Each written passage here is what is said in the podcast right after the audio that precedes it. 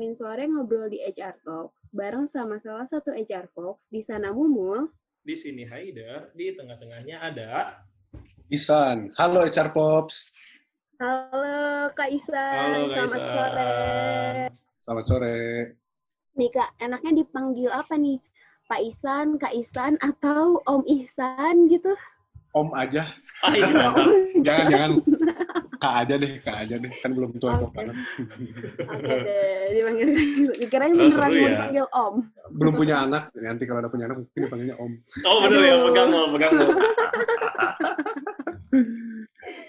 Oke, nah sebelum kita mulai, aku sama Haidar mau mengucapkan Happy Wedding Kak Isan. Yeay. Terima kasih, terima kasih, Happy terima wedding. kasih. Thank you, thank you, thank you. Selamat menempuh hidup baru dan selamat juga karena mulai minggu ini Kaisan harus sudah check outin barang belanjaan istri di marketplace ya Dar ya. Amin. Semoga dapur selalu ngebul. Hai. Mantap banget nih. Dapur selalu ngebul. Harus, harus. Aduh, boleh, boleh lah, boleh lah.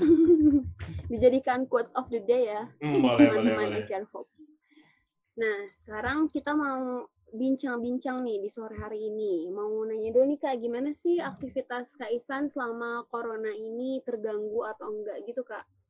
Kalau aktivitas sih terganggu, sangat terganggu. Apalagi kemarin waktu ngurusin nikahan ya. Bener-bener, Aduh. wah sulit banget lah itu. Hmm. Kalau pekerjaan malah nambah sih. Hmm. Malah tambah pusing, semuanya ditumpuk di akhir karena karena pandemi kan ya. Mm-mm. Kerjaan-kerjaan yang harusnya mulai kemarin eh, awal tahun, tengah tahun, semua numpuk di akhir. gitu. Tiba-tiba kemarin bulan Agustus semua pekerjaan kick off gitu kan. Wah, Oh. pusing. Oh, Berarti dari masa pandemi ini kan tadi banyak kerjaan gitu Kak, ngerasa lebih produktif atau gimana Kak? Merasa lebih produktif, tapi dari segi output aja sih. Kalau dari segi proses diri gitu ya merasa seperti zombie sih. Waduh. ya Waduh. apa ya ya udah asal ya udah kerjain kerjain gini cuma malah banyak dapat capeknya gitu daripada dapat puasnya gitu ya mungkin karena Hmm. terlalu banyak juga ya eh, kalau kata Noni kemarin work life balance-nya malah keganggu kan ya Mhm. bener banget itu bener banget Oh. kalau dari segi output mungkin ya emang kelihatannya makin banyak gitu ya kerjaan Hmm. dan mak- makin banyak hasil tapi ya begitu dari segi mental work life balance itu benar-benar berat sih, cukup berat gitu ya dan Hmm. akhirnya pakai strategi bodo amat aja Strategi bodo amat. yang penting kita keluar dari pandemi ini kan masih sehat walafiat batin Ah. dan Betul. jasmani gitu kan itu Eta, penting sih kalau menurut saya sekarang Iya betul ya. banget. Sehat mental sih terutama karena nah itu waduh. Mm-mm. betul itu bukan permasalahan sepele sih itu benar banget hmm. Iya, kadang kita nggak merhatiin sampai ke situ gitu ya, cuma kayak ada kerjaan ini ambil, ada kerjaan ini ambil. Betul. Eh, padahal mah, iya, kitanya sendiri nggak dikasih kesempatan gitu ya kayak buat adaptasi ulang. nah Hmm. jangan-jangan apa semboyan-semboyan jargon-jargon mengenai produktivitas itu ya akal-akalan perusahaan aja Oh, Oh, bener juga. bikin biar kita mau kerja keras gitu. Betul, betul, betul ya. kerja, Iya, kerja, iya. kerja. Iya. tanpa memedulikan work life balance gitu apalagi kan perusahaan-perusahaan baru kayak gitu ya startup startupan kan Aduh. iya, iya, iya, betul, betul. embel-embelnya sih fleksibel padahal Padahal- maksudnya adalah tengah malam juga harus kerja gitu Iya, bener, bener, bener. Wah, relate banget, parah. Jangankan startup ya, HR team juga gitu ya, Mul ya. Pas 11 malam gitu, tiba-tiba dapat pesan gitu kan. Mul, kerjain ini, Mul. Ya, ya sih, kerjain ini, Tolong, tolong. tapi nggak apa-apa karena kerja mah apa aja asal capek Eh, Dan asal diga, Iya. kalau belum capek belum kerja Hmm. Oke, Kak. eh, jadi kan berarti selama pandemi ini kegiatannya monoton ya kak ya. Maksudnya ya banyak kegiatan yang itu itu lagi gitu. Tapi kerjanya tuh jadi banyak dan numpuk gitu ya kak ya. Pernah nggak sih kak ada rasa kayak bosen banget gitu. Kayak aduh masa bangun tidur ngelihat laptop lagi tidur bangun lagi lihat laptop lagi gitu. Nah kalau cara Kaisan sendiri buat ngatasin itu gimana kak? Hmm, sebenarnya kalau bosen sendiri sih eh, enggak ya, soalnya emang punya sesuatu yang biasa dilakuin ketika lagi bosen gitu ya. yaitu ketemu apa ngobrol-ngobrol sama teman baik via telepon maupun ketemu gitu ya ketemu Hmm. juga temannya itu itu aja sih yang tahu gitu dia mainnya ke mana aja jadi Hmm. eh, bisa keukur lah ya dia eh, selama pandemi ini liar atau enggak gitu kan Oh, udah. Iya. kan kalau ah, Garong gitu ya. garong nah jadi kalau bosan mah enggak cuma ya itu salah satunya yang bikin pusing adalah kita bangun tidur apa maksudnya kita kerja Kak, bentar. duduk di meja ah kenapa kenapa Ntar dulu. Itu kenapa ada tukang bakso? oh iya astagfirullah karena ini agak di depan ya soalnya kalau di belakang malah ada suara ini suara kolam ikan gitu Waduh. jadi agak di depan nggak apa-apa lah ini kan sama-sama cari rezeki ya Back sound ya, HR Box. Iya. ada ada banyak soundnya cuanki cuanki Waduh. cari uang cari uang jalan kaki Aduh. nah gitu sebenarnya sih kalau menurut saya yang bikin mental kita lelah itu karena kita eh, kerja duduk di meja yang sama di laptop yang sama main duduk di meja yang sama di depan laptop yang sama lagi istirahat santai juga sama duduk di meja yang sama di laptop yang sama. Sehingga kita tuh mentalnya jadi harus menyesuaikan gitu. Kalau biasanya kan dulu kerja ke kantor ya mental kita nggak perlu terlalu capek menyesuaikan karena sekeliling kita juga udah menyesuaikan. Ini lingkungan kantor. Hmm. nah kalau sekarang kita harus mentalnya harus seakan-akan seolah-olah ini tempat kerja pas lagi kerja gitu kan. Pas lagi santai seolah-olah ini tempat eh, santai gitu. Pas lagi eh, hiburan seolah-olah ini tempat hiburan jadi mental kita capek karena harus memposisikan diri terus-terusan ganti-ganti gitu Oh. Tanpa ada situasi yang mendukung gitu kan karena situasinya kondisinya gitu-gitu aja rumah kan Iya. Nggak Iya, berubah. benar benar benar. Nah, gitu. Jadi mental kita yang kepaksa harus menyesuaikan, harus ngeset seolah-olah situasi kondisinya sedang kerja, situasi kondisinya seolah-olah sedang eh, istirahat gitu. Iya. Bikin capek mental tuh. Benar, benar, benar. Kalau di kampus juga biasanya kita juga gitu ya, Mbak ya. Maksudnya kalau misalnya habis kuliah, kalau capek kita main aja gitu ke tabo gitu kan. Betul. Jadi tabo ke kantin, kantin balik kosan terus balik kelas lagi kayak gitu. Jadi ada Hmm. perubahan-perubahan gitunya ya kayak situasi-situasi yang emang udah bikin kita tuh paham gitu mana kondisi kita harus belajar, mana kondisi kita harus main. Nah kalau Iya, misalkan selama betul. pandemi ini malah enggak gitu ya. Iya Hmm. betul. Itu semua Hmm. blur gitu. Iya betul betul. Batasannya jadi nggak ada. Betul, betul, Hmm. Betul. Berarti masih suka nongkrong-nongkrong ya kayak? Kalau nongkrong nggak, tapi ke rumah temen. Hmm. Oh. Termasuk sama yang Jadi, angkatan kita gitu juga nggak kak? Oh sih itu. Udah nggak itu itu belum belum belum nongkrong lagi sama si Toto. Oh, oh Toto dengar ya tuh ya? ke- Siapa tahu Ah, kangen itu. karena nggak ke coffee shop sih jarang. Soalnya ke Oh. rumah teman kan. Jadi ya nggak ngundang-undang yang lain gitu. Mm-mm. cuma ke rumah teman aja itu jarang kalau ke tempat kopi gitu nongkrong nongkrong ya kalau ke tempat makan sih paling pernah tapi kan udah makan keluar lagi gitu ya Hmm. hmm, nah hmm. kalau nongkrong sih nggak nongkrong di rumah teman paling Oh, garong si Toto ya kak soalnya. Iya. Astaga. Ah, masih kayak gini nunggu vaksin dulu aja lah. aduh ya benar benar benar. Iya, betul, betul.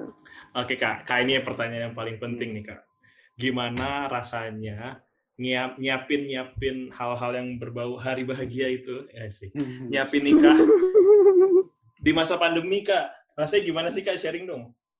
Pusing.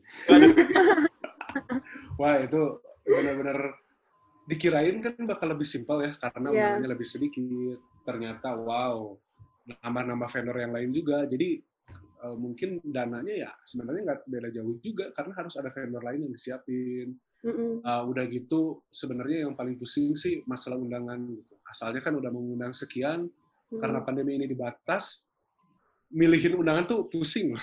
Nah, ini nggak diundang gimana dong nggak enak ya. Tapi ini udah penuh. Nah, itu bikin pusing banget tuh. Hmm. iya kita nggak diundang Nah, Itu, makanya kan betul. karena Diundang, terbatas. Ya, begitu jadinya. diundang tapi lewat Zoom ya. Nah, itu. Untungnya masih ada ada Zoom ya. aduh Bisa ngelihat prosesnya. iya Cuma ya gitu, pusing-pusing. ya walaupun yang ditonton ya punggungnya fotografer sih kak kelihatan tuh kaisannya Nah, bener. Mungkin ini buat pelajaran pusing. juga ya. Pelajaran buat yang selanjutnya akan menikah. Nah, itu salah satu dosen kita juga ya, Mul ya. Iya betul. Ah. Bulan depan nggak sih ya? Bulan depan. Ah, oh iya betul sekali, betul sekali. Nanti kalau ada Zoom meeting kayak gitu, tolong Tolong. streamingnya jangan di belakang fotografer gitu. Kalau bisa kami- setting kamera di depan ya. Nah, itu dia. Betul, betul, betul. Karena kita nggak mau nonton punggung ya, Haidar. ya? Nah, itu dia. Sudah biasa saya jumpai di mana pun itu. Oke. Nah, Kak, kita tuh sempat kayak nyari tahu nih sedikit tentang Kak Isan gitu ya. Mm-mm. Nah, ternyata Kak Isan itu dulunya adalah anak Mene juga gitu dan sekarang menjadi eh, dosen Mene gitu. Gimana sih ceritanya Kak Isan yang dulunya anak Mene terus sekarang jadi dosen Mene tuh gimana Kak ceritanya? Oke, jadi dulu di perjalanan hidup, perjalanan hidup banyak kebetulannya sih, lebih Mm. banyak. Eh, kalau kalau saya sih emang karena per- mungkin be- beda-beda ya, setiap orang punya jalan yang beda-beda, punya prinsip yang beda-beda. Tapi kalau saya mah selalu membuka opsi, yang penting kitanya siap. Jadi lebih baik fokus mempersiapkan diri daripada fokus ke opsi-opsi. Kalau saya ya, gitu. Mm. Jadi nggak terlalu ada eh, tujuan yang saklek, tapi yang penting selalu bersiap diri gitu Mm. selalu upgrade diri eh, masalah nantinya jadinya ke mana mah gimana nanti gitu. Nah, dulu saya pertama masuk mene nih, masuk mene jalur biasa gitu ya, jalur reguler, kelasnya juga reguler. Hmm. Waktu itu zaman saya eh, ada kuota yang kurang di kelas internasional. Karena Hmm. kurang, terus pas open house gitu ya, diumumkan kan ke orang tua orang tua orang tua saya dengar, saya pernah tes TOEFL, punya hasil TOEFL, ya udah pindah aja. Saya nggak mau lah, udah dapet teman yang enak ya. Mm. Terus ya udah saya eh, apa namanya? Saya bilang ke mama gitu. Ya udah nggak sok eh, nggak apa-apa, tapi mama yang ngurusin. Ih, Akhirnya diurusin. Ternyata benar diurusin gitu. Mulai diurusin dah. Mulai minggu kedua, mulai minggu kedua, oh jadwalnya beda nih.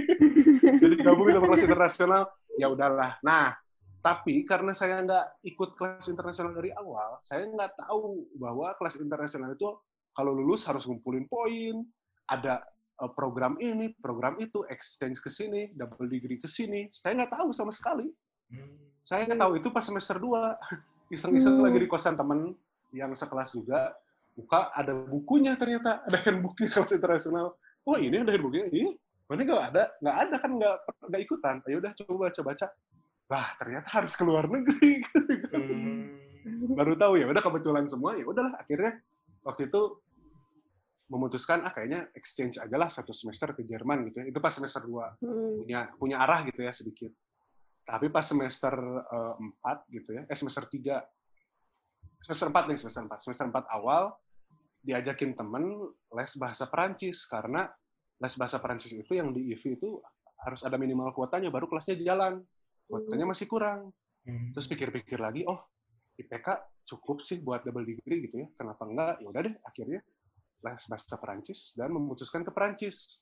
Di Perancis kuliah Hmm. biasa, eh, dan di situ mulai nih eh, apa namanya ternyata senang belajar gitu ya ternyata belajar itu asik. Nah salah satunya pengen SDM pun karena di Perancis itu karena Hmm. ketemu budaya yang berbeda, bahasa yang berbeda, gimana kerja sama tim sama orang yang backgroundnya beda-beda gitu ya, bahasanya aja beda, eh, kulturnya beda, dan di sana kebetulan dapat nilai A gitu manajemen SDM Oh. internasionalnya gitu. Waduh. kayaknya ini udah mas suka gitu ya, dan dan dapat nilai bagus gitu kan katanya tandanya kalau misalnya eh, ini jalannya akan dipermudah gitu ya, mungkin ini Hmm. jalannya gitu kan. Nah di sana udah mulai itu, ya udah pulang memutuskan untuk masuk SDM, masuk Hmm. SDM, eh ya lulusin, terus sempat kerja yang di Uber ya. Oh sambil Iya. sambil kuliah tuh sempat banyak ada proyek-proyek juga sih, bantuin teman bikin eh, perusahaan properti gitu ya, terus sambil kerja juga di Uber.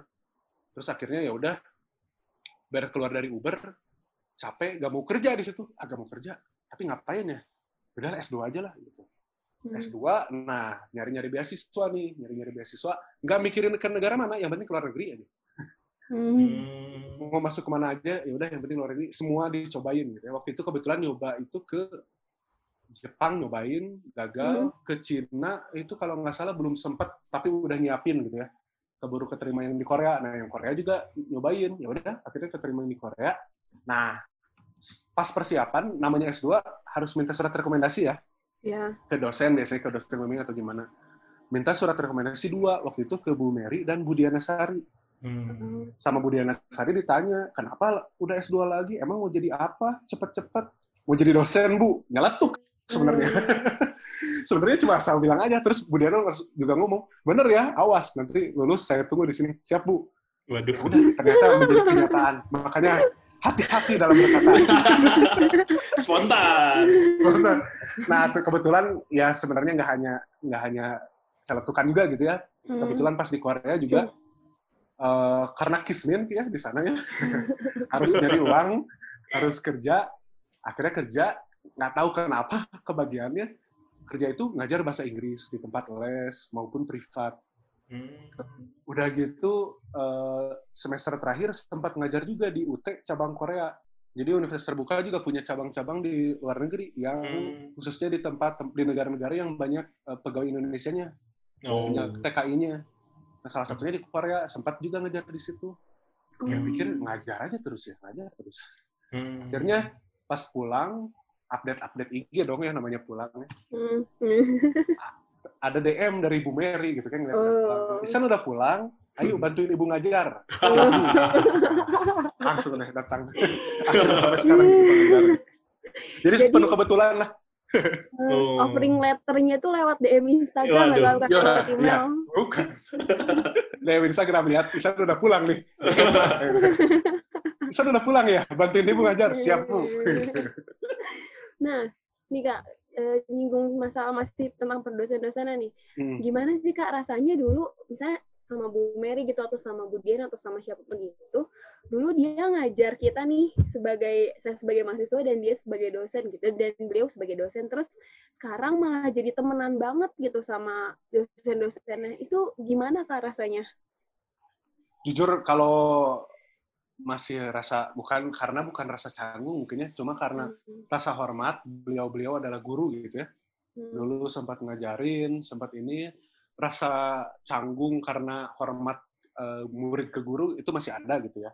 Hmm. Dan sampai sekarang pun itu kalau kalau sama saya nggak akan dihilangin sih karena tetap gitu beliau-beliau tetap guru saya gitu ya. Hmm. Cuma ketika kerja, ketika profesional ya udah itu eh, ranahnya pas lagi profesional gitu ya eh, kita kerja bareng-bareng aja gitu. Kita maksudnya nggak ada batasan saya jadi diem gitu ya nunggu-nunggu nggak mengajukan sesuatu nggak bertanya nggak ngasih ide nggak sih kalau tapi kalau kayak gitu ya jadi ya udah normal aja gitu kayak orang kerja gimana tapi tetap saya respect ke mereka sebagai guru Hmm. Hmm. Tetap profesional tapi juga enggak malu-malu kucing lah ya, nggak usah malu-malu kucing gitu. Bercanda-bercanda juga ya udah bercanda-bercanda walaupun kan eh, mungkin kalau eh, jadi kayak temen ngobrol curhat gitu karena mungkin perbedaan generasi aja gitu ya agak sedikit nggak nyambung gitu Iya.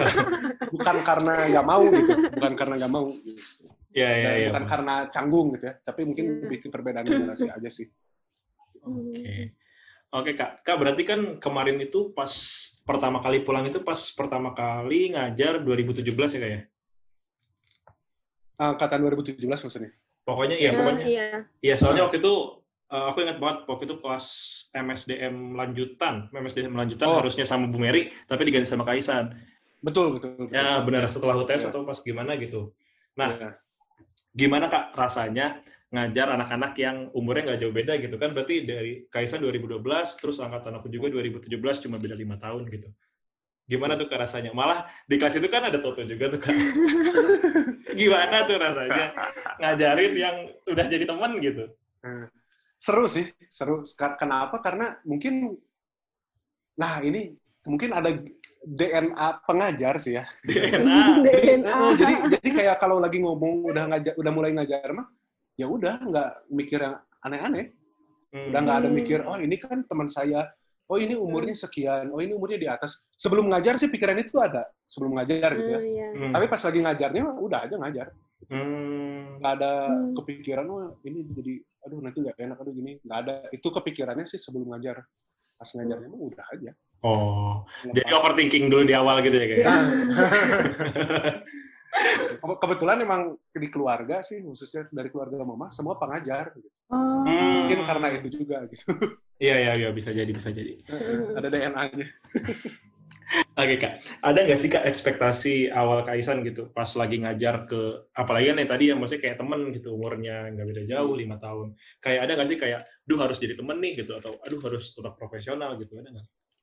Eh, justru kalau eh, karena perbedaan umurnya masih dekat gitu ya saya lebih condong ke yang profesional dulu gitu Oh karena gitu. takut nah karena takutnya mahasiswa gitu me- merasa terlalu dekat terlalu gimana gitu kan nanti hubungan eh, profesionalnya hilang gitu Hmm. mudah mudah untuk hilang lah khususnya buat dosen-dosen muda saya yakin ini eh, problem eh, banyak dosen muda gitu ya Hmm. di mana mahasiswanya merasa terlalu dekat jadi nggak ada hubungan profesional lagi gitu antara mahasiswa dan uh, dosen gitu. Nah justru kalau saya memang sengaja gitu memposisikan diri dulu di kelas itu kalau lagi belajar ya profesional di luar itu mah ya udah nggak apa-apa. Hmm. Ya, maksudnya jadi temen mau diskusi uh, mau nongkrong sebelum pandemi ya dan nanti setelah pandemi Hmm. apa-apa. Tapi kalau di kelas saya profesional gitu khususnya karena saya harus menempatkan diri karena umurnya nggak beda jauh gitu. Takutnya karena nggak profesional nanti ilmunya juga malah nggak nyampe. Malah. Iya. eh sayanya menyepelekan mereka, mereka juga menyepelekan saya, nggak ada eh, pertukaran ilmu. Gitu. Hmm, bener. Hmm. Iya sih betul juga. Nah, terus ini nih kak, kan Kak Isan dulu sebagai anak nenek, terus sekarang e, balik lagi ke nenek walaupun mungkin statusnya berbeda gitu ya kak.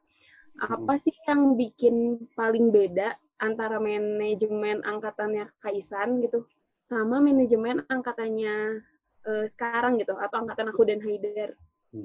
Kayak yang yang saya lihat sih sekarang lebih keren dalam artian kegiatan mahasiswa eh, di luar akademik dan kegiatan mahasiswa akademik itu kayak terintegrasi ya kalau sekarang.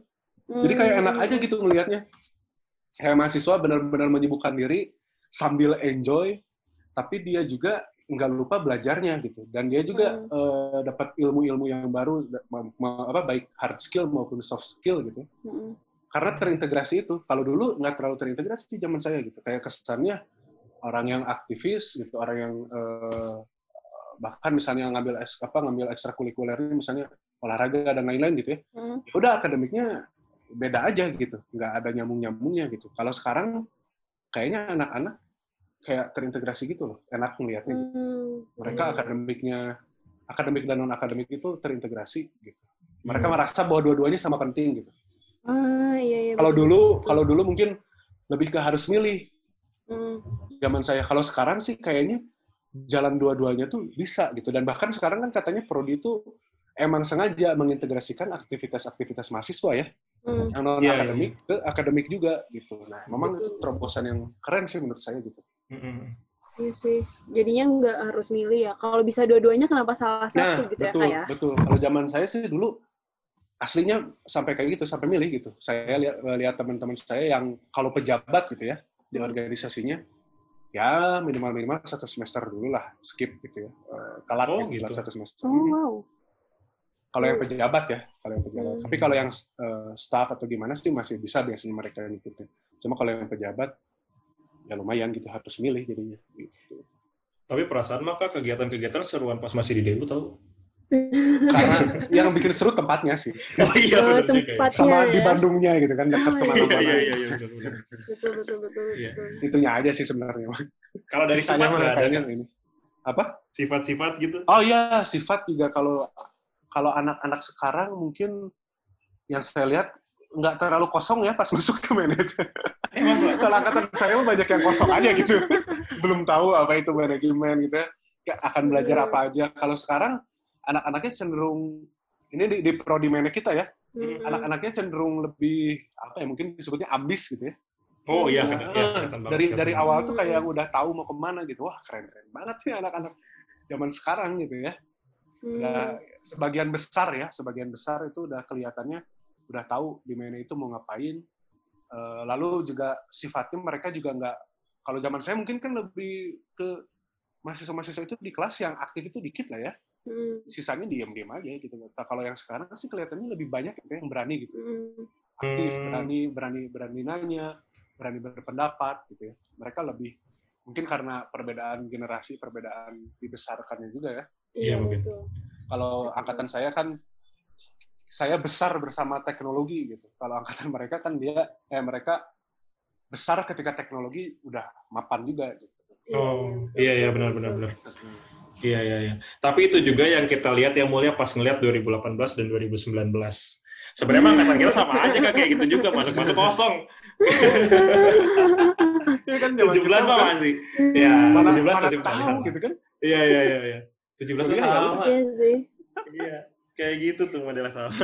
Mungkin karena ini juga informasi udah makin gampang diakses betul. kan. Ah, ya. mungkin. Jadi bisa dibilang kalau mereka digital native gitu. hmm. Iya, bisa jadi. Kalau kita mah imigran, digital imigran kalau mereka mah digital native gitu. Eh, Oke. Oke Kak, Eh, ini kan jadi topik yang akan kita bahas untuk eh, Senin sore ini adalah things to discover before turning 20 gitu ya. Nah, sebagai pengantar nih Kak, ada pertanyaan titipan nih dari boleh. at Patricia Vina Instagram. Ini kita compile, kita gabungin dari akun IG HR Team. Di sini pertanyaannya kayak gini Kak, izin bertanya, bagaimana cara kita bisa mengatasi krisis identitas yang biasanya dirasakan saat berumur sekitar 20 tahun? Bisa gimana tuh? Dis- Iya. disclaimer dulu, krisis identitas kayaknya kalau menurut saya akan terus ada. Oh Tidak hanya iya. di umur 20 tahun, mungkin nanti Iya. di 30 tahun juga akan ada, 40 tahun akan ada derajatnya dan modelannya seperti apa mungkin yang akan berbedanya gitu ya. Nah, memang eh, mungkin kerasanya di umur 20 tahun itu sebelum 20 tahun, sekitaran 20 tahun, itu kan kita memang bergejolak ya. Emang emang itu beda kok. Nanti kerasa begitu udah ngelewatin eh, mungkin udah lulus kuliah lah. Beda emosinya zaman kuliah gitu ya, zaman SMA, zaman kuliah sama pas udah lulus kuliah itu akan kerasa memang beda sih. Jadi memang oh ternyata memang waktu itu emang lagi bergejolak gitu ya. Makanya mungkin banyak yang krisis identitas gitu ya. Mm-mm. Nah, gimana caranya mengatasi si krisis identitas ini? Ibaratnya gini, kita belum tahu diri kita siapa gitu ya. Ya udah, karena belum tahu, ke mana-mana aja cobain gitu. Masuk A, masuk B, ngobrol sama A, ngobrol sama B gitu ya. Belajar apa, belajar A, belajar B. Mungkin kita nggak akan pernah tahu sampai akhir hayat ya. Sebenarnya kita kayak gimana, sebenarnya eh, kita eh, apa namanya sukanya di mana atau gimana gitu ya tapi nanti akan nemuin suatu saat kita bilang bahwa kayaknya ini yang harus diperdalam deh. Walaupun misalnya keinginan-keinginan untuk nyoba yang lain masih ada gitu ya. Tapi nanti suatu saat akan lebih mengerucut gitu ya. Ya udah kayaknya eh, ke sini aja deh gitu ya. Mungkin nanti juga eh, akan sadarnya juga oh ternyata yang kita eh, pengenin gitu ya, jalan yang kita pengenin itu nggak jauh-jauh amat dari yang eh, sekitaran kita gitu, lingkungan kita, atau bahkan dari dari kecil tuh udah ada tanda-tanda itu, cuma kita belum sadar aja. Mm. Ibaratnya eh, umuran 20 tahun ini kita nyoba-nyoba gitu ya, kita ngetok satu pintu dari pintu apa ngetok satu pintu ke pintu lainnya. Akhirnya pas pintunya kebuka, kita masuk, kita sadar ternyata kita ngetuknya dari dalam. Waduh, Ah. agak plot twist itu. ya. Nah, ibaratnya kayak gitu gitu.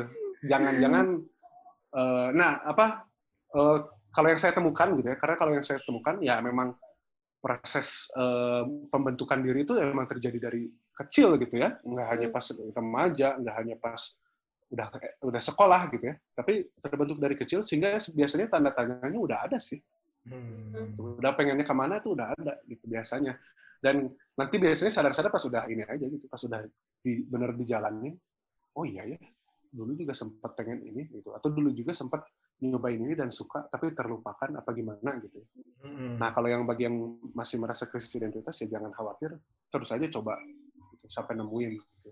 nanti juga akan nggak men- nggak mungkin nggak menemuin tapi akan memutuskan gitu ya udah di sini aja Ah, iya.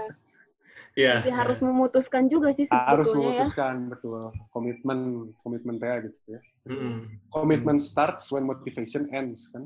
Nice. Baik. Pertanyaan kedua ya Kak ya dari Ed Kikimbul. Izin bertanya Kak, menurut Kaisan, sebelum kita berumur 20 tahun itu, boleh nggak sih Kak untuk senang-senang dulu nih sama teman-teman kita untuk nikmatin masa muda? Atau hmm. emang sebenarnya di uh, umur 20 ini kita tuh udah ya udah gitu, fokus belajar aja untuk merencanakan karir kita sedini mungkin. Hmm, oke. Okay. Kalau menurut saya, setiap orang punya jalan ninjanya masing-masing gitu ya. Hmm. Jalan ninjaku.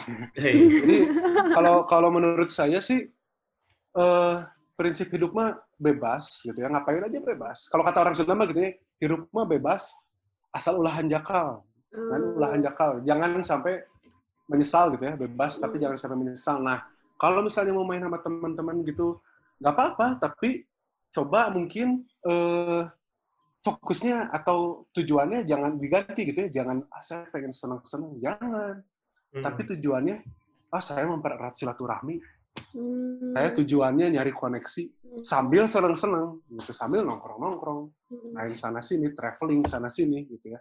Tapi tujuan saya, saya silaturahmi, nambah koneksi, dan saya belajar dari orang-orang ini, tapi melalui ngobrol, melalui sesuatu medium hmm. yang lebih santai, lebih enak, lebih cocok sama saya, gitu. Misalnya, hmm. kalau menurut saya sih, karena saya juga bukan mahasiswa yang berprestasi ya waktu dulu gitu.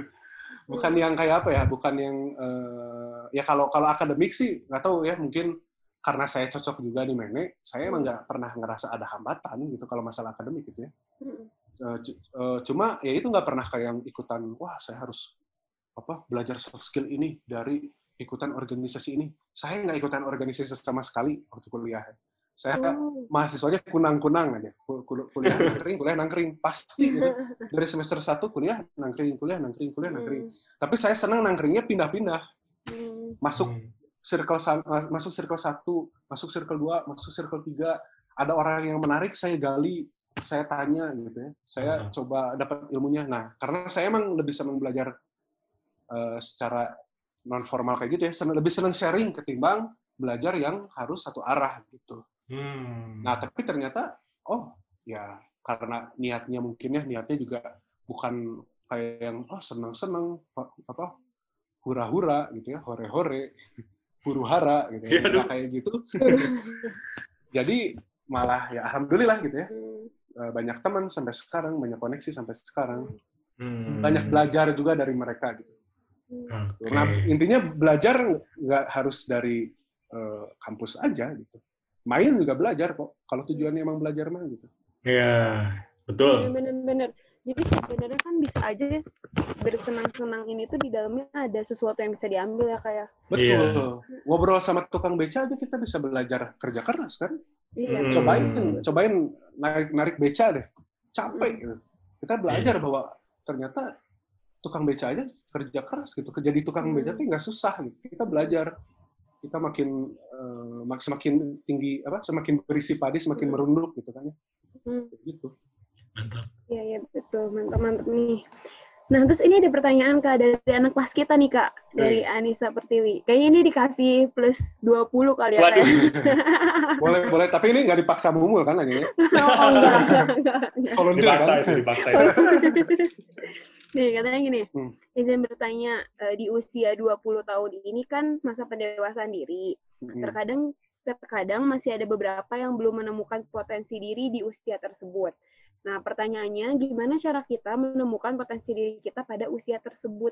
Katanya, Kak. Oke. Jangankan umur 20, mungkin umur 40 aja masih banyak yang belum menemukan potensi diri. Gitu ya. hmm.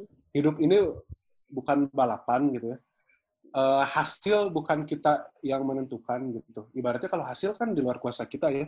Yang penting kita usaha, dapat nggak dapat itu mah urusan belakangan gitu ya. Kita beribadah, kita nggak tahu dapat pahala atau nggak, kita nggak tahu diterima atau nggak. Tapi kalau nggak dilakuin mah jelas akan dapat dosa kan. Jelas hmm. akan ini. Nah intinya uh, kalau misalnya masih belum menemukan gitu ya, potensinya masih bingung, ya keep trying aja gitu Kayak, kayak apa terus terusan dicoba terus terusan dicari nggak apa-apa. Mungkin nemunya langsung ketemu tahun depan. Langsung ketemu tiga tahun uh, depan. Atau misalnya udah merasa nemu tapi pas di umur 40 tahun nemu sesuatu yang baru lagi. Oh ternyata saya juga bisa di sini. Itu juga bisa loh terjadi gitu ya. Hmm. jadi eh, jangan terlalu takut gitu ya untuk menghadapi masa depan dan menganggap masa ini kita belum ngapa-ngapain gitu. Jangan terlalu takut ngerasa kayak gitu. Kalau menurut saya itu nggak sehat. Asli nggak sehat gitu ya. Karena hidup lebih dari itulah. Hidup lebih dari cuma sekedar kerja di tempat yang bagus gitu ya. Hmm. hidup lebih dari sekedar cuma dapetin gaji yang banyak gitu. Hidup kan intinya gimana caranya kita beresin dulu apa masalah sendiri gitu ya. Bere- udah beres diri sendiri mm, waktunya kita mengaktualisasikan diri dengan bermanfaat ke sekitar gitu kan. Hmm. apa pun itu caranya gitu. Iya, iya, iya. jangan jangan apa ya jangan merasa waduh jangan terjual sama apa ya sama jargon-jargon juga sih kalau menurut saya jalan hidup Hmm. jalan hidup manusia beda-beda Mhm. jalan ninjanya beda-beda belief Mhm. aja Iya. semuanya pasti akan sukses khususnya sukses dalam definisi masing-masing gitu ya Iya betul. insya Allah gitu jangan inilah jangan takut gitu ya jangan yang gimana gimana toh maung apa maung harimau gitu ya harimau di hutan aja nggak sekolah hidup gitu kan. Waduh. coba adu maung sama sarjana kan. Ya maksudnya nggak kayak gitu ya maksudnya tetap belajar tetap effort tapi jangan mikirin hasil. Mm, hasil mah itu di luar kuasa kita. Mm, kita berdoa aja gitu. Karena Hmm. kalau kata Sujiwo Tejo kan gagal itu adalah hasil eh apa nama yang kamu labelkan pada hasil yang tidak sesuai dengan keinginanmu tapi sesuai dengan keinginannya. Ah, Keinginan super Tuhan. banget. ya kan betul, Iya, iya, jangan iya. inilah betul, gitu betul. Tetap Ber- eh, ini aja kewajiban kita kan berusaha kewajiban kita Hmm. bukan dapetin hasil yang bagus ya itu aja Berarti jangan ya tetap berusaha aja karena betul. Sebetulnya oh kalau itu mah wajib. Itu mah wajib. Dan kalau misalnya nggak nyoba apa-apa malah jadi nggak tahu potensi diri Betul. nggak sih kak? Kayak betul. potensi itu nggak datang tiba-tiba kamu lagi tidur terus tiba-tiba ah potensi Betul. aku nih.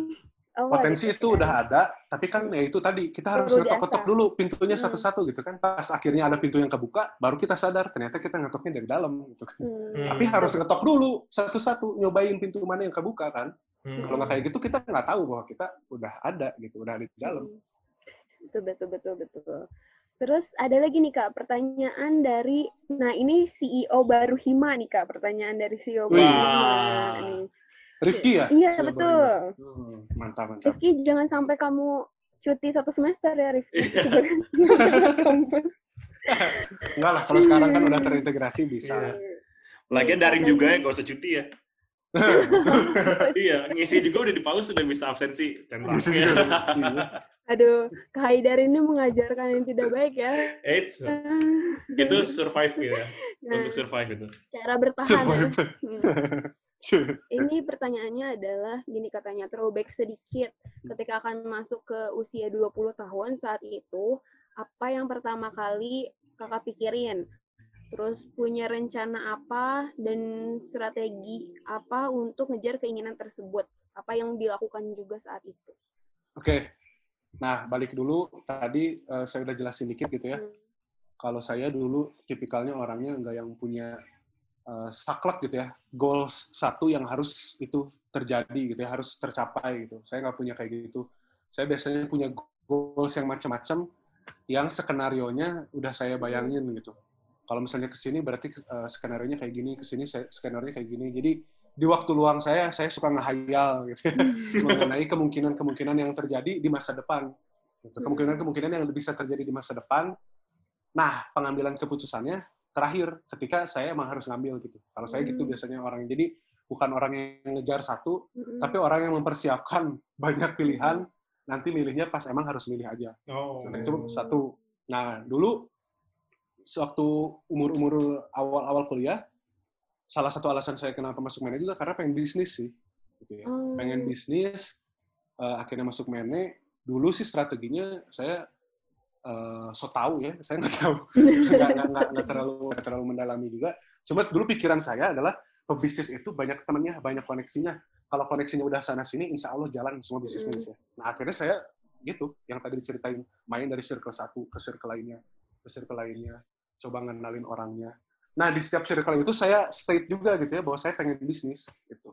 Jadi Hmm. nanti tuh orang kalau misalnya ada yang punya ide bisnis atau ngajak bisnis, ngobrol juga sama saya gitu. Maksudnya saya walaupun nggak diajak gitu ya, tapi suka sharing sama saya gitu. Nah dari situ mungkin karena sharing-sharing terus ya, bukan ngerjain, jadi bisnisnya nggak jadi malah jadi pengajar gitu. Jadi malah jadi tukang sharing gitu. bukan bukan bikin bisnisnya. Karena sharing aja terus gitu. Salah strategi berarti ya. Aduh. gitu. Nah, jadi dulu strateginya saya kayak gitu. Saya dulu mikirnya kuliah ini uh, untuk jadi ajang koneksi gitu. Hmm. Nyari koneksi. Hmm. Karena kalau masalah ilmunya mah mungkin di universitas lain bisa, mungkin belajar sendiri bisa, Hmm. tapi menurut saya yang lebih penting itu dulu dulu ya, ya sekarang juga sih masih. Tapi setiap orang pasti punya pemandangan berbeda terhadap hal ini gitu ya. Cuma kalau menurut saya koneksi silaturahmi saya belajar apa ya yang yang terpenting saya belajar orang-orang teh mindsetnya kayak gimana sih Hmm.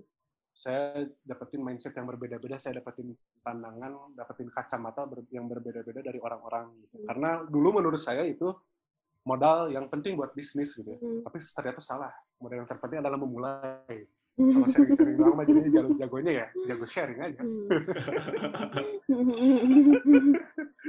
itu Nah, itu dulu rencana dan strategi gitu Nah, tapi ya itu karena saya tipikalnya bukan yang saya harus jadi pebisnis gitu. ya. Hmm.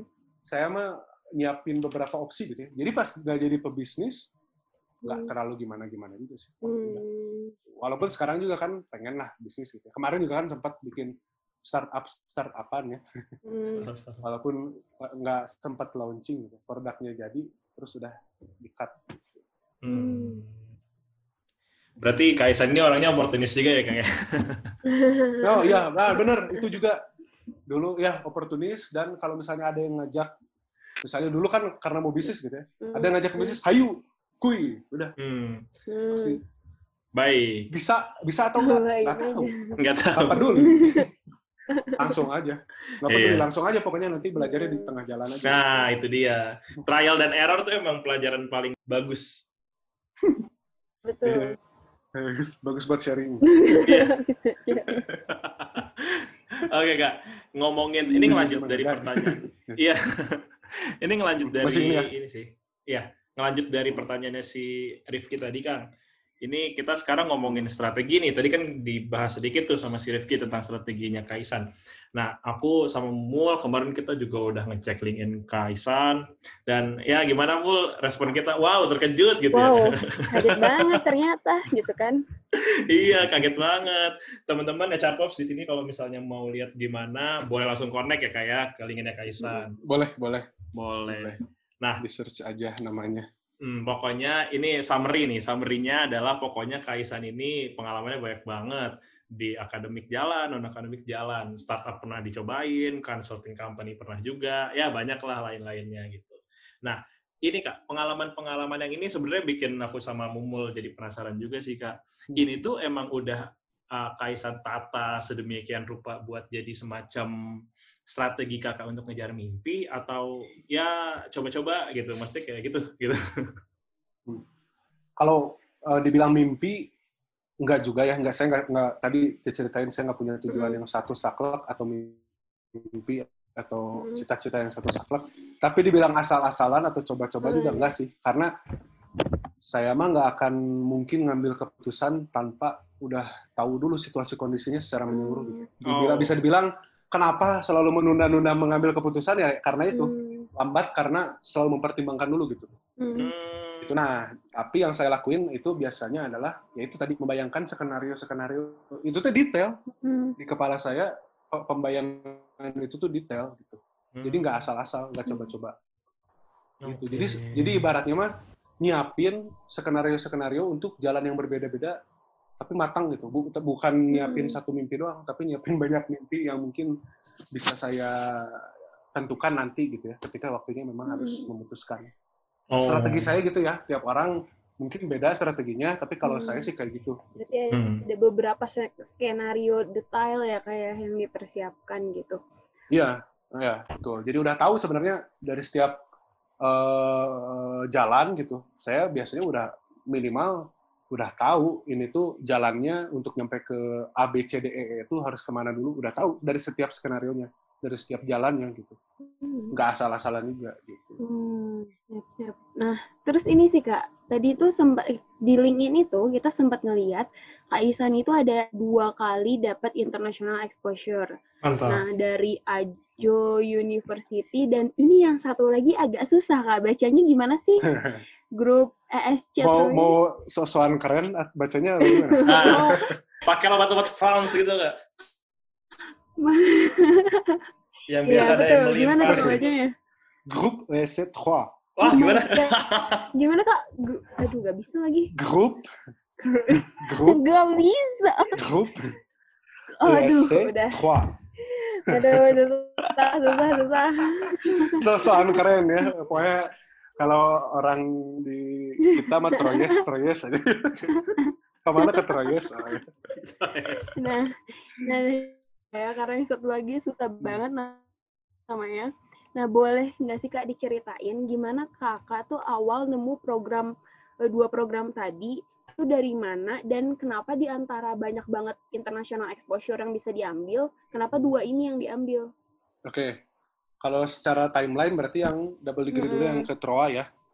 Double degree yang ke Troa dulu karena ya itu eh, harus punya poin sekian untuk lulus ya di kelas internasional, Hmm, bisa melalui exchange, double degree dan Mm. lain-lain. Ah, waktu itu yang diajakin les itu ya sama teman, ajakin les bahasa Prancis, ngelihat IPK cukup dan faktor paling utama utama utamanya kenapa milih double degree di sini karena gratis. Oh, gratis. Kuliahnya nggak bayar. Hmm, Kuliahnya nggak Ah. bayar, jadi cuma bayar ke Unpad aja seperti biasa oh, per semester. Wah, nyebelin. Sedangkan sedangkan kalau double degree di yang lain gitu ya, Hmm. program-program yang lain kayak ke Amerika, ke Inggris itu bayar dan buset setahun iya. apa satu semesternya 300 Iya, iya. juta mah ada. betul betul. Hmm. Kalau yang Prancis ini gratis. Tapi Hmm. memang kalau biaya hidup sendiri sih. Hmm. Tapi waktu Oh. itu sempat ngajuin ke Dikti dan dapat satu semester. Jadi satu semester Wow. Gitu. Jadi itu kenapa milihnya yang Prancis Oke. karena gratis. Nomor satu. Hmm. Lalu eh, kalau yang Aju ini itu dapat info dari dari mahasiswa kok dulu tuh Eh, adik dari adik kelas gitu ya maksudnya. Dulu pas udah lulus eh, udah apa namanya udah sempat kerja di Uber udah keluar juga. Oh dulu ada saya lupa angkatan 2015 kali ya kalau nggak salah. Dia mau pergi ke Prancis juga. Jadi nanya-nanya. Nah, udah udah jadi karena sering nanya-nanya sering ngobrol universitas tapi bukannya fakultas. Nah, Hmm. dia tahu saya lagi nyari S2, dia share, dia dapat dari eh, International Office Universitas bahwa eh, ada beasiswa Sister City namanya ya, dengan Aju University di Suwon. Jadi eh, Suwon dan Bandung itu Sister City dan beasiswanya itu di cover sama pemerintah kota Suwon di sana. Syaratnya ya seperti syarat beasiswa pada umumnya dan warga kota Bandung gitu. Oh. Jadi awalnya ya itu karena bantuin eh, ya nggak bantuin sih sharing lah, sharing sama adik kelas yang mau berangkat ke Prancis juga Hmm. dapat degree dan dapat info itu gitu. Hmm. gitu. Jadi sebenarnya sih programnya dulu di Pemkot adanya karena memang beasiswa sister city ya, kooperasi antara dua kota. Tapi karena waktu di Pemkot itu mungkin nggak kepromoin sama pemerintah sehingga nggak ada yang daftar, nggak ada orang yang tahu. Akhirnya karena Unpad juga punya hubungan sama Aju ya, Hmm. kita dari dulu udah ada exchange sama Aju gitu dan Hmm. double degree sama Aju University udah ada. Nah, karena punya hubungan mungkin ya, akhirnya ya udahlah, mungkin Unpad menawarkan diri untuk menjadi tempat uh, seleksi awalnya gitu. Oh. Hmm. Jadi akhirnya kemarin apa uh, sebenarnya yang daftar boleh non Unpad asalkan orang Bandung, tapi karena dipegang Unpad jadi prioritas yang infonya gitu ya disebarkan ke Unpad dulu gitu. Oh. Oh, gitu. Lingkungan lingkungan Unpad dulu. Hmm. Terus Kak, Kak Isan di Prancis itu berapa lama Kak? Di Perancis setahun, di Korea dua tahun. Hmm. Nah, kan udah pernah tinggal secara langsung di Korea dan di Prancis itu. Menurut kakak bedanya orang Prancis dan orang Korea tuh gimana? Apa sih kak gitu? orang Prancis itu mungkin lebih kalau saya ya kalau saya lebih ngerasa masuk atau lebih merasa bisa hidup dengan tenang Oh, gitu. pas di Prancis Hmm. gitu ketimbang pas di Korea gitu. karena orang Korea itu saya ngelihatnya ya apa gila kerja ya Tapi sayang saya lihat sih bukan mereka yang gila kerja, tapi mereka terpaksa, tertekan, Mm-mm. sehingga ya udah harus kayak gitu dan jadi kebiasaan. gitu. Makanya kan banyak yang bunuh diri. Iya, iya. Banyak yang Oh, gimana. gitu. Jadi si apa ya? Saya selama di sana ngerasa kalau ketemu orang Korea tuh kayak mereka tuh kayak tertekan aja gitu. Hmm. Oh mer- mereka itu apa ya? eh, kayak TK itu harus masuk mana, SD itu harus masuk mana, SMP itu harus masuk mana, SMA itu harus masuk. Itu udah ada jalurnya dan berat dan sehingga mereka akhirnya pada memutuskan ah kasihan nanti anak saya kayaknya kalau misalnya nggak bisa masuk ke universitas top gitu ya Mm. Itu nanti nggak akan hidup dengan enak ya udah nggak usah punya anak aja gitu. Dan Oh. untuk masuk ke universitas top ini tuh berarti harus masuk TK sini, eh harus masuk SMA ini. Untuk masuk SMA ini harus masuk SMP ini. Untuk masuk SMP ini harus masuk SD ini. Gitu terus sampai ke TK. Wah, lo sampai TK dong. Wow, wow. Ya. Itu alasannya kenapa kalau di Seoul yang terkenal Gangnam ya nama daerahnya terkenal mewah, terkenal mahal itu karena awalnya kenapa properti di Gangnam bisa mahal karena dia dekat sekolah top. Oh, wow. Oh. Gila kan? Orang Korea tuh gila. Gila. Gila. Ah, Terus enakan Prancis ke mana-mana lah. Kalau Prancis mah liburnya banyak buat pegawai, jam kerja enak. oh, Oh, gitu. Mereka lebih kalau kalau Eropa memang lebih orang-orangnya lebih menghargai hidup sih, lebih menghargai work life balance, Hmm. harmonisasi hidup gitu ya. Kalau di Hofstede Dimension asik. mm, Orang-orang Eropa itu lebih feminis emang. Oh. Minim ya. Kalau orang Asia Timur kan memang maskulin ya. iya iya. Gitu. Nah kalau kita Indonesia kan di Hofstede juga lebih cenderung ke feminin ya. Makanya kurang cocok gitu. Iya, iya, iya. iya. Lebih cocok. Kalau menurut saya, saya Mm, lebih cocok sama Prancis gitu. Budaya-budaya Latin kita cocoknya. gitu. Oh, Prancis gitu. kan Eropa Latin ya. Hmm. Eropa Latin itu Prancis, Spanyol, Portugal gitu. Itu sama orang-orang dari sana pasti cocok. Oh, Dulu gitu. juga saya waktu di Korea sih banyaknya teman-temannya orang Amerika Latin, Oh, Meksiko gitu. Mainnya sama mereka, sama mereka yang cocok. wih, gitu. Apa Oh. mungkin karena kita juga bekas jajahan Belanda juga ya kayak jadi Nah, ada iya gitu gitu juga. Ada. Hmm, Mungkin, mungkin bisa jadi. Cuma mungkin karena budaya orang kita juga sih. Kalau saya lihat sih, nggak. Kalau sama Belanda sih sebenarnya nggak terlalu nggak terlalu sama kok. Kita Oh. lebih samanya sama Latin. Kok bisa ya? Santuy gitu ya. Ya? Nah, pertama santuy gitu ya, seneng nongkrong, seneng ngobrol, Mm, dan persepsi terhadap waktunya fleksibel. oh. Oh. Waktu kan kalau cirinya budaya Latin sama budaya kita gitu ya, Mm. kita melihat waktu itu sebagai sumber daya yang tidak terbatas ya. Jadi Hmm. santuy.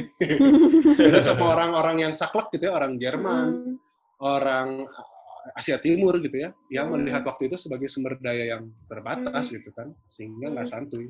Oh. Oke. Sopan santuy ya kayak penting ya. Sopan santuy. Oke. Aku masih ini sih kak eh, nambah satu pertanyaan kak pengen Nggak apa-apa. masih penasaran nih tentang. Korea dan Prancis ini Eh, kan eh, yang aku dengar tuh Korea tuh bener-bener kayak individualis gitu ya kak Ya. Iya dia tuh, maksudnya gimana sih aku pengen mendengarkan cerita tentang ke, eh, individualis di Korea tuh emang sebagaimananya gitu. Dan dibanding Prancis lebih, apakah lebih individualis Korea atau? Kalau menurut saya lebih individualis Korea sih. Hmm. Korea pertama, oh ini ini juga pengalaman karena uh, saya pernah di sana dan orang Indonesia yang mungkin nggak bisa digeneralisasi juga gitu ya. Hmm. Cuma pengalaman saya di sana, kalau orang luar bukan kulit putih, ya udah nggak akan dianggap. Nggak nggak dirasisin sih nggak, cuma nggak dianggap aja. Wow. Susah juga untuk Hmm. masuk ke circle pertemanan mereka gitu ya. Hmm. Dirasisin mah nggak tapi ya, Hmm. nggak sampai dirasisin. Cuma karena bukan kulit putih ya udah, saya nggak jarang itu punya teman orang Korea Hmm. gitu. Terus eh, apalagi tadi teh? Ya, So- keindividualisan. Nah, individunya. Nah, terus juga kalau di Korea, misalnya nih lagi jalan nyenggol, Hmm. mereka lebih prefer kita cuma ngomong maaf atau nggak ngomong sama sekali, udah langsung pergi aja. Oh. Daripada kita so kenal, gitu ya. Ngomong Hmm. apa minta maaf atau gini, mereka malah lebih nggak suka. Oh. Terus kalau di kafe-kafe itu jarang ada meja, satu meja kursinya 6, itu nggak ada. 5, itu nggak ada. 4 aja itu udah jarang. Hmm. Jadi kursinya sedikit-sedikit dan mereka tuh juga jarang ngobrol. Maksudnya kalau di kafe biasanya belajar. Wow. Iya, Fedi kan belajar. situasinya situasinya mencekam lah nggak ngerti kenapa kayak ini kenapa sih orang-orang santuy kayak gimana Hmm. enggak gitu. Walah, gitu. kayak hidupnya dipenuhi ketakutan gitu Oh, ketakutan nggak bisa ini nggak bisa itu nggak bisa kerja gini nggak bisa kerja gitu makanya banyak banyak ininya kan orang Korea juga di di Kanada tuh di Kanada banyak kan Ya, mungkin Karena? ingin menghindari kerasnya Korea oh gitu. Iya, iya, iya. Kalau- Wah, menarik. kalau di Perancis mah Perancis mah enak udah Ini lagi kayak belajar Malibu loh. Iya, makanya. itu dia itu tapi ya itu mata kuliah yang pertama kali membuat tertarik ke SDM itu Malibu Malibu ya. Hmm. Oke. Oke, nah udah ya kali ya kita ngomongin Korea dan Prancis ini. Iya, kita kita balik nih sekarang nih ke topik ini. Nah, Nah, itu kan berarti kegiatan-kegiatannya sama Kaisan itu berarti pas udah kuliah ya kayak udah di atas umur 20 lah kayak gitu. Pernah nggak sih Kak kelintas kalau uh, coba aja gitu udah nemu program ini dari misalkan mungkin pas SMA gitu SMA kan ada tuh ya program-program pertukaran segala macamnya atau mungkin Hmm. ya minimal satu tahun lebih cepat deh gitu dari dia sebelum 20 gitu. Ada nggak Kak terlintas gitu kayak gitu pikiran-pikiran?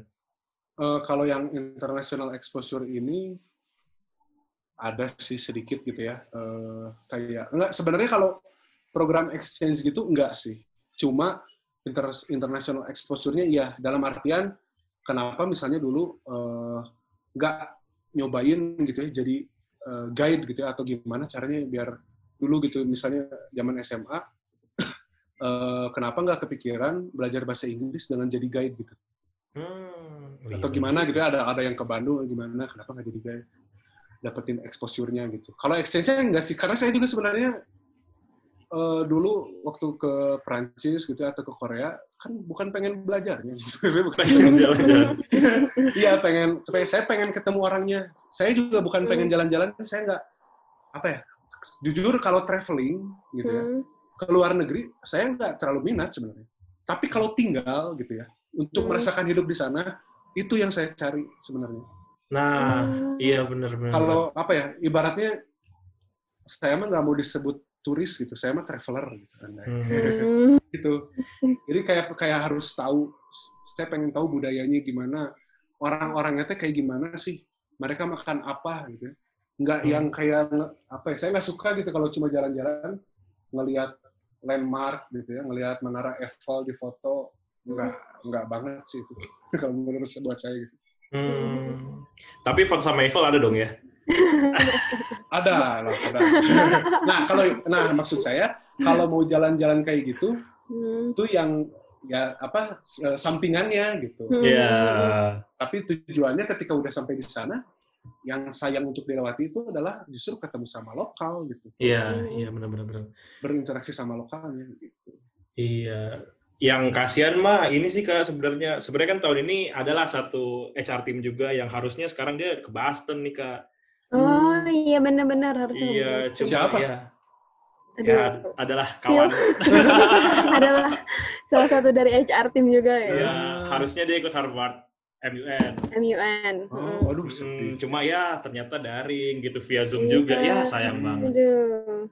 wah itu memang ketemu orang baru tuh wah emang asik banget sih saya emang suka banget ketemu Iya. orang baru gitu karena nah pulang dari Prancis juga saya menemukan quotes Waduh, apa nih? apa tuh Pakai bahasa Prancis nggak di quote-nya? Nggak bisa. Aduh. intinya adalah kalian nggak akan pernah bisa mengetahui diri sendiri gitu ya mengenal diri sendiri sebelum bertemu dengan perbedaan Ah, Hmm. kena ya. putih nggak akan tahu warnanya putih kalau nggak disandingin sama hitam Iya, Iya benar. sih, betul, betul. Iya, benar-benar. nah dari, dari situ baru wah perbedaan tuh bener anugerah tuh bener gitu. Hmm. kalau menurut saya Dan privilege ya Kak juga itu juga. dan privilege Iya. dan privilege bener bener banget bener. Oke. Nah, Kak, dari semua kegiatan yang udah dilaluin nih, Kak, mulai dari yang tadi ke startup, ke yang company, terus juga yang inter, apa international exposure exposure, ada nggak Kak kegiatan yang paling ngasih ilmu gitu, ilmu baru sama kegiatan yang kayak aduh, ini mah sebenarnya bisa nanti gitu atau kayak ya kalau ikut ginian mah sebenarnya bisa ya eh, nggak usah dulu gitu. Hmm, yang kayak kayaknya nggak dulu deh gitu ya Iya, Hmm, hmm, hmm. kegiatan-kegiatan yang kayaknya nggak dulu deh. Hmm, nggak ada sih. Nggak ada ya? Alhamdulillah, maksudnya uh, alhamdulillah uh, dari mulai kuliah di Unpad gitu ya Mm-mm. sampai ke sini, walaupun banyak mainnya, disyukuri sih. Maksudnya kayak kalau nggak main juga ada nggak bisa sampai sekarang gitu, nggak bisa Iya. sampai di Mm. sampai eh, sampai di posisi sekarang gitu. Kalau nggak kayak gitu nggak bisa sampai di posisi ini. Gitu. Oke. Karena alhamdulillah juga sih kayak dari kuliah dari apa nggak pernah gitu ya sampai mundur apa semesternya nggak pernah sampai harus ngulang apa gimana. Hmm. Alhamdulillah nggak sih jadi nggak ada yang karena mungkin gabut malah. jadi karena gabut nggak nggak ada yang kelewat gitu Hmm. isi gitu. Aduh, bagaimana nih kamu mau menanggapi ini? Dulu dulu saking gabutnya sampai ah belajar aja deh udah terlalu Wah. banyak udah terlalu banyak gabut. Nah sampai kayak gitu. Waduh. ternyata Bagaimana ternyata kalau kita belajar yang tidak ditekan gitu ya kita belajarnya gimana kita belajar apa yang kita pengen ternyata seru gitu terus semangat gitu. Hmm. Gitu. Aduh. jadi nggak ada sih kalau yang duh kayaknya Hmm. ntar dulu deh enggak sih Oke. Alhamdulillah enggak Kalau itu kak yang paling ngasih pengalaman apa kak? Yang kalau ngasih- yang paling ngasih pengalaman adalah awalnya ya mungkin bisa Hmm. dibilang yang paling merubah itu kuliah di Prancis sih Oh, Hmm. kuliah di Prancis padahal itu cuma dari setahun ya. padahal cuma setahun tapi itu enam bulan pertama tuh jangan salah bukan bukan mulus gitu ya bukan Hmm. wah enam bulan pertama itu udah apa ya udah suicidal thought itu udah ada gitu Oh. Wah. ya, sampai sampai apa ya jadi ibaratnya gini mungkin dulu juga terlalu memaksakan gitu ya Hmm. terlalu memaksakan saya dulu kalau ada orang Perancis ngajak eh, party gitu ya saya ikut Hmm. tapi sampai di sana karena saya belum terlalu lancar bahasa Perancis saya di diem sana gitu. Waduh. punya teman gimana gitu ya teman maksudnya teman ada tapi nggak saya samperin gitu yang saya samperin malah orang-orang baru yang saya pengen belajar bahasanya gitu ah ya, ya sempat stres juga nggak nggak enjoy gitu ya nggak enjoy sampai Hmm. akhirnya eh, semester berikutnya barulah main sama anak-anak internasional yang lain tapi ternyata ada hikmahnya ya bahasa Perancisnya jauh lebih maju dari perkembangannya jauh lebih Hmm. maju dari yang lain juga gitu Hmm. Karena Karena ketemu mau- lokal gitu ya. Nah, iya betul. karena ketemu. Karena. Nah, tapi justru di situ karena karena depresi gitu ya, jadi ba- banyak mikir gitu, malah banyak menghasilkan pemikiran-pemikiran gitu, Hmm. banyak renung gitu. Karena kan kalau kata Socrates gitu ya, Hmm. saran buat anak muda menikahlah gitu. Ya. Kalau menemukan istri yang baik, bahagia. Kalau tidak, jadi filsuf. Kata Socrates gitu. Oh, ini ini udah mulai mengutip-ngutip filsuf ini. Hati-hati. Kamu mau kalau dijagain kamu mau. Hmm. Aman ini mah bahagia. Aman. Jiwa filsufnya udah berkurang. Aduh. Tapi awalnya dari situ mulai banyak mikir gitu ya. Hmm. mulai banyak menghasilkan pemikiran dan mulai mindset itu banyak berubah, banyak dapat mindset baru karena Hmm. itu. Gitu. Justru karena masa-masa kelam sih, bener. Oke. Oke oke oke. Nah eh, ini selanjutnya ada pertanyaan titipan juga kak dari kelas kita dari Dea nih. Dea tuh salah satu yang aktif juga nih kak. Iya, tahu saya Dean. Iya. Nah gini katanya kak, izin bertanya titik balik apa yang bakal dirasain sama seseorang yang baru berumur 20-an. Terus apa aja yang harus disiapin di umur 20-an ini? Kalau menurut saya sih umur 20-an mah udah pertama itu belajar tanggung jawab sama diri sendiri. Hmm. Itu sih. Salah satunya kuliah yang terpenting, apa yang paling penting didapetin dari kuliah itu itu tanggung jawab sama diri sendiri karena di kuliah itu eh, dosen nggak nyuapin mahasiswanya kan ya. Lalu juga skripsi Hmm. atau kelulusan itu gimana kita sendiri kan? Hmm. Iya. Kapannya gitu ya, beresnya Hmm. kapan itu gimana kita sendiri itu jadi itu yang pertama belajar bertanggung jawab sama diri sendiri. Hmm. Itu aja di umur 20 tahunan mah kalau menurut saya gitu. Eh, mulai mulai belajar bertanggung jawab pada diri sendiri, mulai lihat eh, diri sendiri ini eh, kira-kira butuhnya apa ya gitu. Apa yang saya kurang, apa yang saya butuhkan saya cari-cari ke mana gitu ya, nyobain A, nyobain B, nyobain C, dan bertanggung jawab sama diri sendiri gitu. Hmm. Jangan sampai nanti pas lulus lupa lagi sama diri sendiri gitu. Hmm. Itu jangan jangan sampai kayak gitu lah. Itu Ya, aja ya, ya. bertanggung jawab sama diri sendiri. Oke, sendiri. oke. Yang penting eh, mengenal dulu diri sendiri sebelum Betul. Masuk ke yang lain-lainnya gitu ya kayak. Betul. Termasuk kan di kuliah ya, kayak sebenarnya kayak misalnya kalian nggak ngerjain tugas, nggak masuk kuliah, itu kan sebenarnya bukan nggak ngehargain dosen kok, itu nggak ngehargain diri sendiri. Hmm. Benar juga. Iya. Orang kalian yang bayar kok, saya mana Betul. menerima, menerima aja gajinya. kalian mau ngumpulin tugas, mau nggak datang juga saya menerima. Tapi kalian Iya. bertanggung jawaban ke diri sendiri gimana? Hmm. Hmm. Kalian punya jadwal, kalian yang masuk sendiri gitu ya, kalian yang pilih sendiri, kalian yang pengen masuk empat, ya tanggung jawab lah sama diri sendiri. Hmm. Kamu mul denger ya. Jadi jangan tipsen-tipsen lagi dari sekarang. Astaga. Diajarin ke Haidar nih. Oke.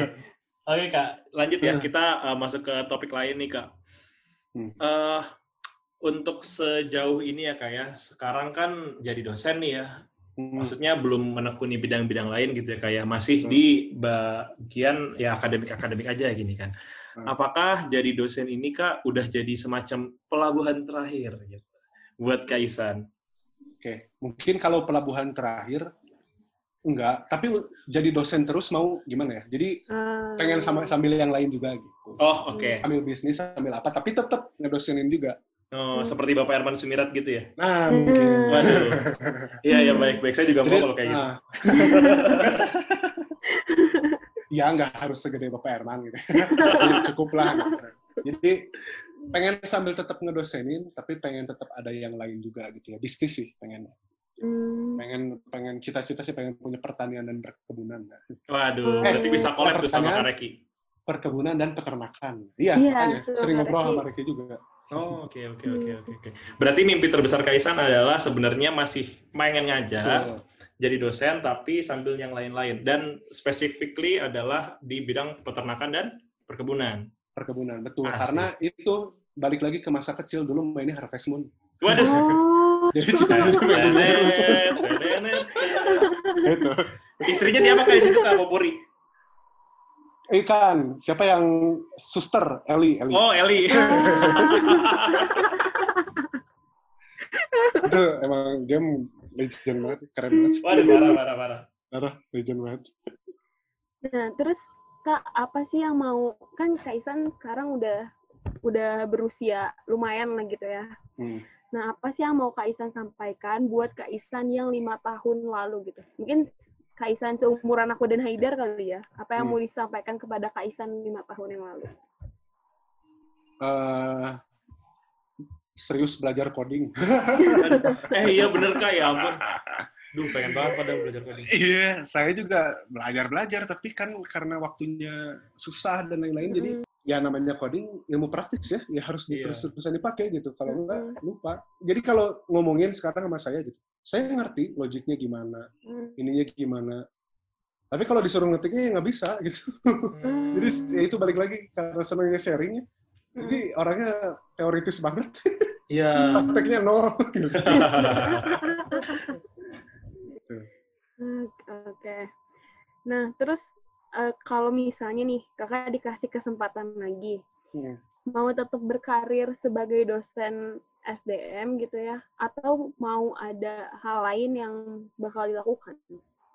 Tetap sih dosen Hmm. SDM sambil tadi ya bisnis ya. Hmm. Sama jadi trainer-trainer lah, pembicara-pembicara asik ya. Iya sih. Tolong dikontak ya. Kayaknya gitu. Karena ya itulah enaknya jadi pengajar mungkin ya, jadi trainer, jadi dosen. Hmm. Motivator gitu kan. Pertama mencari nafkah bisa gitu ya, dapat Hmm. gaji, dapat bayaran gitu. Kedua kan ilmu yang bermanfaat nih, amal jariah gitu ya. Jadi sambil Hmm. dapat dapat ini sambil sambil mengumpulkan pa, apa pahala juga gitu. Hmm. Sekalian jadi. Oke. Baik. Itu aja kali ya mulia untuk interviewnya. Asik. Sekarang kita nih. masuk ke segmen selanjutnya, Kaisan. Oh iya. Ini ini segmen yang bikin goyah. Dua bintang tamu sebelumnya goyah. semua. Gimana nih? Gimana nih goyahan? Gimana? Pas, pas jawab, pas interview sih lancar gitu ya. Kayak, Waduh. saya mah gini, saya mah gini. Pas sudah masuk jawab cepat, ah, ini boleh diganti nggak? Gitu. Oh, wow, wow. Kita mau wow. menguji gini. Apa nih? Gimana nih? seorang spontanitasnya Kang Isan? Jadi penasaran nih. Jadi ikut deg-degan juga. Jadi ikut-ikutan. Oke, siap Kak? Siap. Oke, kita mulai ya. Kamu mul catat ya, kamu mul ya. Oke, pertanyaan pertama Kak. Pilih Korea atau pilih Prancis? Prancis. Oh, cepet banget ini. Jelas. Oke, pertanyaan kedua. Pilih teman banyak tapi nggak punya uang atau teman dikit tapi tajir melintir? Banyak tapi nggak punya uang. Loh, kenapa tuh? Oh, Kalau dikumpulin mah bisa lah. Waduh. Iya, ada cukup gitu. Oke, oportunis balik ya kayak. Iya. bisa lah. Teman teman banyak soalnya memanjangkan rezeki dan umur juga kan. Oke. oke. Ya, ya, ya, benar, benar, benar. Wah, setuju sih ini. Oke, pertanyaan ketiga, Kak. Aduh. Ntar dulu. Saya buktinya berteman sama mahasiswa juga, padahal mahasiswa pada nggak punya duit. belum pada punya belum pada punya duit kan? Maksudnya aku, Kak. Itu yang kita suka masih nunggu. itu. iya, masih nunggu duit dari Kaisen belum turun-turun ini. Oke, pertanyaan ke, aduh pertanyaan ke berapa tadi? Tiga ya? Tiga, tiga. Hmm. Pertanyaan ketiga.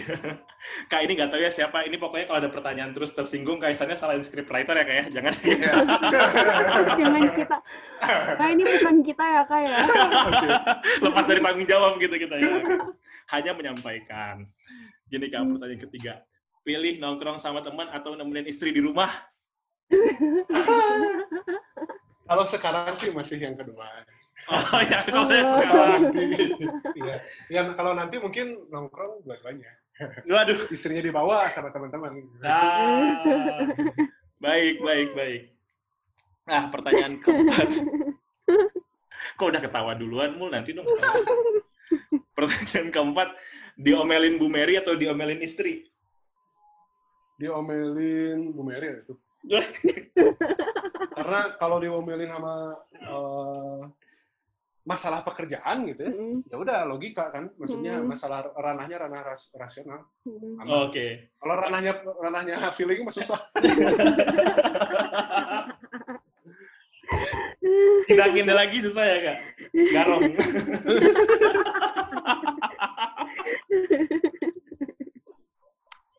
Oke. Aduh, lupa nih. Oke, pertanyaan kelima, Kak. Pilih Aduh, Mary atau pilih Mumul? Sebagai apa? Ayo, Kak. Ah, Sebagai apa pun, pokoknya harus pilih aja, Kak. Semilih, aduh. ya kan bikin goyah emang ini jawabnya. Beda, bikin goyah. iya. soalnya beda ininya. Yang mana dong? Template-nya beda. Waduh. Gak boleh dengerin dulu, ntar kelamaan dong. Talks kita. Ini pokoknya pertanyaan ini keluar di pertanyaannya ke Andreas. Oke, pilih dua-duanya. Boleh nggak? Boleh ya? Nggak boleh. Boleh. Nggak boleh. Aduh, bingung. Mumunya ada di sini lagi. Kalau pilih Bu Mary nanti. Oh, ini ya. Apa ya? Ya gimana ya maksudnya? Gimana bingung tuh? Sebagai apa dulu itu tuh? Gak ada sebagai, pokoknya milih aja gitu. Ya, Iya, milih aja. aja. Pilih mumul deh. Oh, karena, Wih. karena ada di sini, Dar. Oh, iya, oke. Karena ada. Karena wujudnya ada. Karena ada. Baik. Nah, pertanyaan terakhir, Kak. Hmm. Sekaligus Selanjutnya. survei. Ya, survei Oke. kecil-kecilan kita. Bubur diaduk atau nggak diaduk? Gak diadu. Oh, Dua satu ya, Haidar ya. 21 nih. 21. Dua satu nih. Yang Ini nggak bisa diterima dari nih. Ini orang-orang yang di blacklist duluan ya, boleh? Nanti pokoknya kita sih lulus. nggak nggak punya preferensi sih sebenarnya. Oh, gitu. diaduk juga dimakan, nggak diaduk juga dimakan. Yang penting bubur ya, Kak. pokoknya Kak, ini Cuma kan tadi harus milih aja, ya udah milih. Ya. Ini pokoknya setelah nanti berarti kelar semester ini nanti emang HR team sama dosen mau bikin dua kubu kak. Itu- Terus datang ke tukang bubur gitu ya. nah iya itu dia. Sip. Oke, jadi jawab cepatnya udah selesai. Nah ini mungkin eh, pesan-pesan terakhir gitu ya, kata-kata terakhir mungkin dari kata-kata terakhir dari Kak Isan, un- pesan untuk eh, anak-anak 2019 karena mungkin kan sebentar lagi mereka akan mulai pilih konsentrasi, terus juga kelas aplikasi SDM udah mau selesai. Pesan apa yang ingin Kak Isan sampaikan ke anak-anak 2019? Eh, yang pertama, jalan ninja setiap orang beda-beda ya. Jadi jangan takut, jangan gimana. Semua semua ada jalannya masing-masing lah. Semua ada rezekinya masing-masing. Terus yang kedua, ini saya kayaknya saya udah pernah bilang juga sih. Itu masalah kalau kalau dalam pembelajaran gitu ya. Mungkin otak yang cerdas mah bisa mengungkap hubungan sebab dan akibat dari sebuah fenomena gitu ya. Tapi hati yang bersih bisa mengungkap seribu hikmah di balik sebuah fenomena. Hmm. Jadi itu apa jangan jangan lupain hati nurani gitu ya karena urutannya harusnya adab, ilmu, akhlak gitu ya. Hmm. Jangan di skip gitu. Ilmu itu didapetin ketika kita adabnya udah bagus. Hmm. Karena ilmu yang didapetin tanpa melalui proses eh, adab yang baik yaitu kita lihat permasalahannya di negeri kita kayak gimana. kan. Iya. Hmm. Banyak orang pinter, pinter secara knowledge aja ya. Gitu. Pinter secara ya otak tadi ya otak cerdas tadi gitu ya. Hmm. Gitu. Itu aja sih.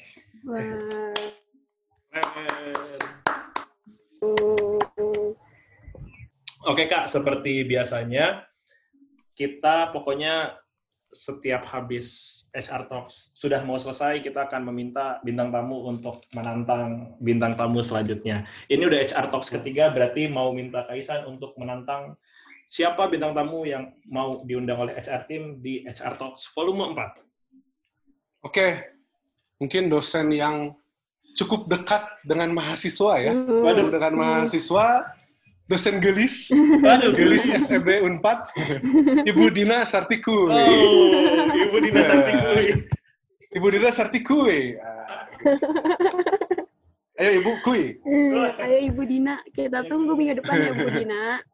Nah, Nah, Kak Baik, Isan, baik, jadi hari ini kita udah ngobrol banyak banget nih HR Pop sama Kak Isan, mulai dari masalah tadi pandemi, terus masalah tadi apa yang harus dilakukan sebelum umur 20 lah, terus juga apa yang harus dieksplor sih lebih tepatnya yang harus dieksplor di umur 20, sebelum umur 20, terus udah ngomongin tentang international exposure, ngomongin sempat ada sedikit menyelipkan tentang budaya di dua negara berbeda juga gitu. Semoga HR Pops dapat nih poin-poin tadi dan akhirnya bisa dijadikan sebuah pembelajaran baru gitu dari sharing-sharing sama Kaisan hari ini. amin, amin, amin, amin. Makasih Semoga ya. bermanfaat. Amin. Semoga eh, HR Pops juga tetap setia ya mendengarkan. Amin, amin. HR. Semoga tetap eksis ya. Iya. Keren nih, keren program. Cool, cool, cool. Oke, makasih Kita cari Pops. engagement kan, sebentar lagi kita monetize. Gak apa-apa, bagus lah. Bagus, bagus. Kalau misalnya jadi jadi monetize, lebih bagus. Aduh. Jadi kan kalian lebih semangat kan ngerjainnya. Nah, betul sekali. Iya, bagus, gak apa-apa, bagus. People dispense to incentive, bener ya? Nah, betul. Prinsip ada. Oke, kalau gitu makasih ya Pop sudah ngedengerin. Udah panjang lebar banget nih. Nah, terakhir Kak Isan pantun dong, Kak Isan. Waduh, pantun apa? Pantun apa aja nih? Ini culture, Kak. Oke, oke. Ini sebagai sebagai penutupan dan bridging ya Hmm. buat minggu depan ya. Oke. Iya. Eh, siang-siang makan zanana. Cakep dong, mana Ya, kan? ya, ya, ya. Kok kita diam ya, ya? Oh, iya. Oke, lagi lagi ya. Oke. Siang-siang makan zanana. Belinya dari ah, Itu malah itu duluan. salah ya. Siang-siang makan zanana. Cakep. Belinya dari Jalan Naripan. Cakep. Cakep. Mau tahu tentang Ibu Dina? Cakep loh. Dengerin HR Talk Senin depan. Kuy. Yeay, kuy, kuy, kuy.